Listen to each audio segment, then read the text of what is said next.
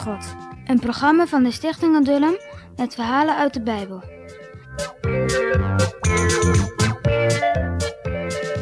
Toen Jericho veroverd was, konden de Israëlieten natuurlijk niet stil blijven zitten. De Heere had hun toch het hele land Canaan beloofd. Maar het plekje grond rondom de stad Jericho was natuurlijk voor het grote volk veel te klein. Daarom moesten er nog meer steden veroverd worden. Zo kwamen ze bij het stadje Ai. Toen de verspieders dat stadje hadden verspied, kwamen ze vol goede moed terug. Nou, het is helemaal niet nodig om al onze soldaten daarheen te sturen hoor. Het is zo klein. Met een heel klein legertje kunnen we die stad gemakkelijk veroveren. En zonder de heren te vragen wat God ervan dacht, stuurde hij 3000 soldaten erop af. Die zouden best winnen.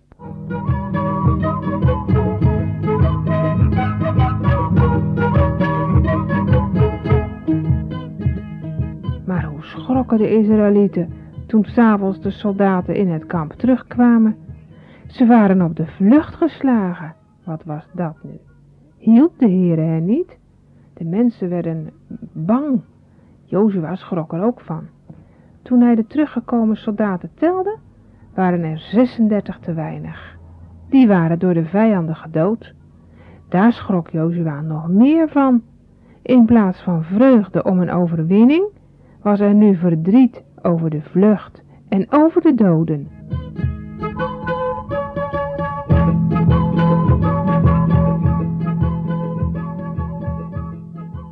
Jozua begreep er niets van. Daarom deed hij het beste wat hij doen kon. Hij vroeg het eerbiedig aan de Heere. Hij bad, Heere, waarom moesten onze soldaten vluchten? U hebt ons toch beloofd om te helpen? Nu zullen de vijanden kwaad van u spreken. Ze zullen lachen en zeggen, zie je wel, de God van Israël is niet de sterkste.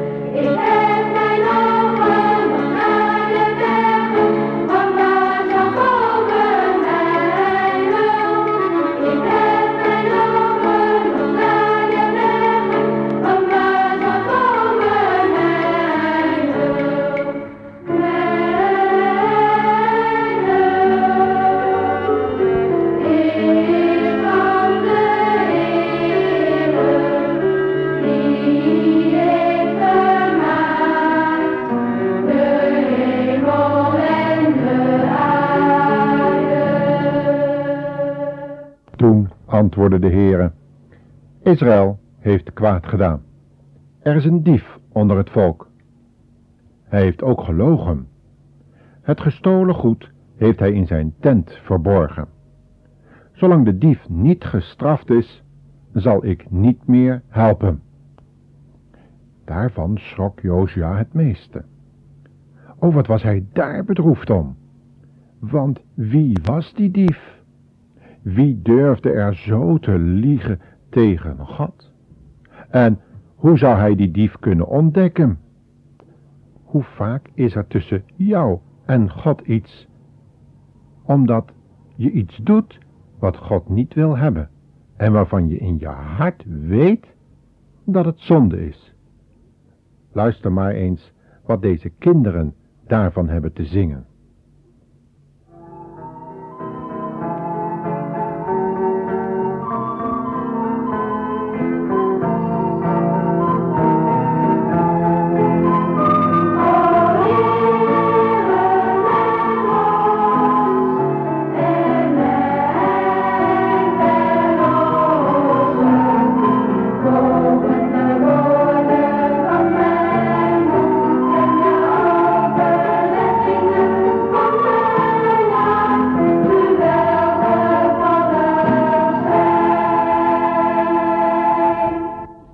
Zal jullie nu een verhaal vertellen, wat ook echt gebeurd is. In de derde klas. Daar zou net een leesles beginnen. Maar er was wat geschuifel en onrust in de achterste banken. De juffrouw keek op. Wat is er, Bertus? Bertus kreeg een kleur. En met een boze stem antwoordde hij: Juffrouw, ze hebben mijn nieuwe potlood weggepakt. Dat nieuwe potlood hadden alle kinderen s'morgens bekeken. Was heel mooi. Zat in een vergroomd kokertje waar een bruin potloodje op en neer kon schuiven. Maar het mooiste was dat stukje glas wat er in het vergroomde kokertje te zien was. Als je je ene oog dichtkneept en met het andere heel goed keek, zag je allerlei plaatjes uit Amsterdam.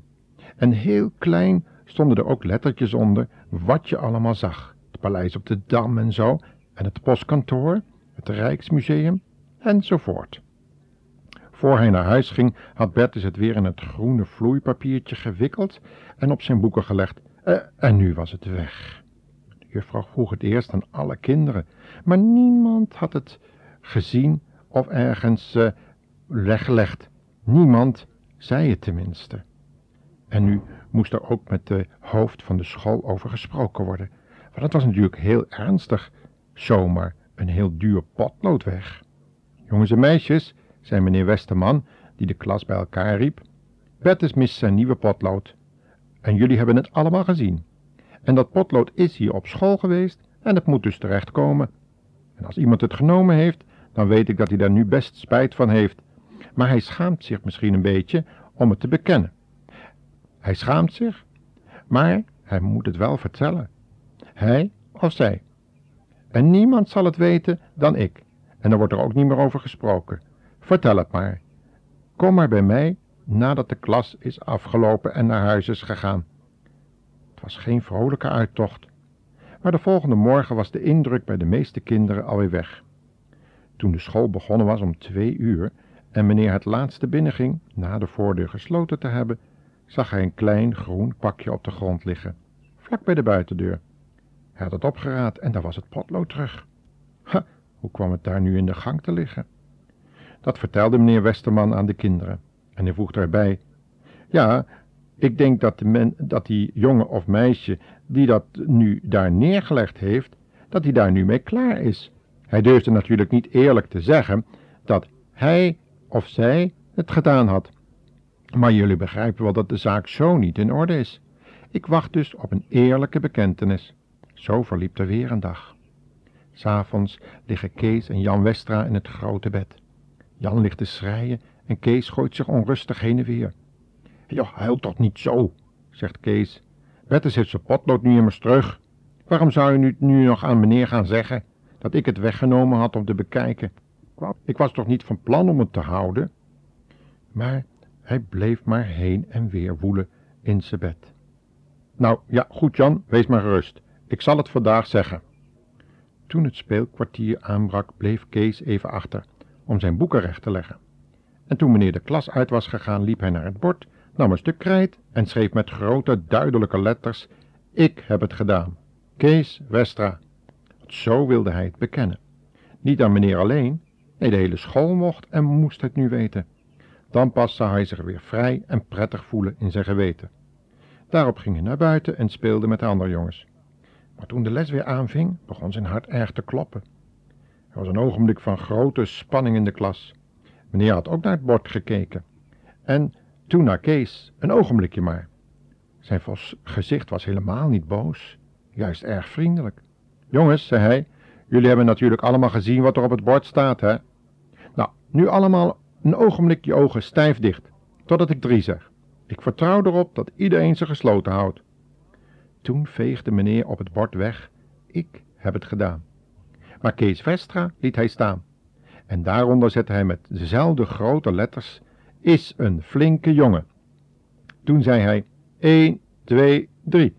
En alle ogen, ook die van Kees, openden zich en keken naar het bord, want ze wisten dat daar iets moest zijn. Een ogenblik was er gelach en omkijken. En toen zei meneer, wie dat ook vindt, mag de vinger opsteken. En ja, daar gingen alle vingers in de klas omhoog. Maar die één vinger niet. En hij, van wie die ene vinger was, had in een paar dagen iets geleerd wat hij zijn leven nooit meer vergeten zou. Agan heeft de les niet geleerd en hij wachtte tot het laatste moment met het eerlijk te bekennen. En jij?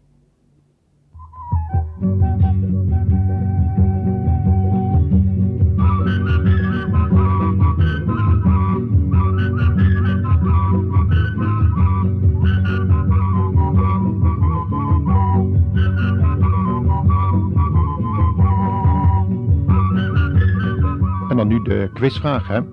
Wat had Agan moeten doen om de heren weer vriendelijk te stemmen? Nog een keer. Wat had Agan moeten doen om de heren weer vriendelijk te stemmen? Succes, hè?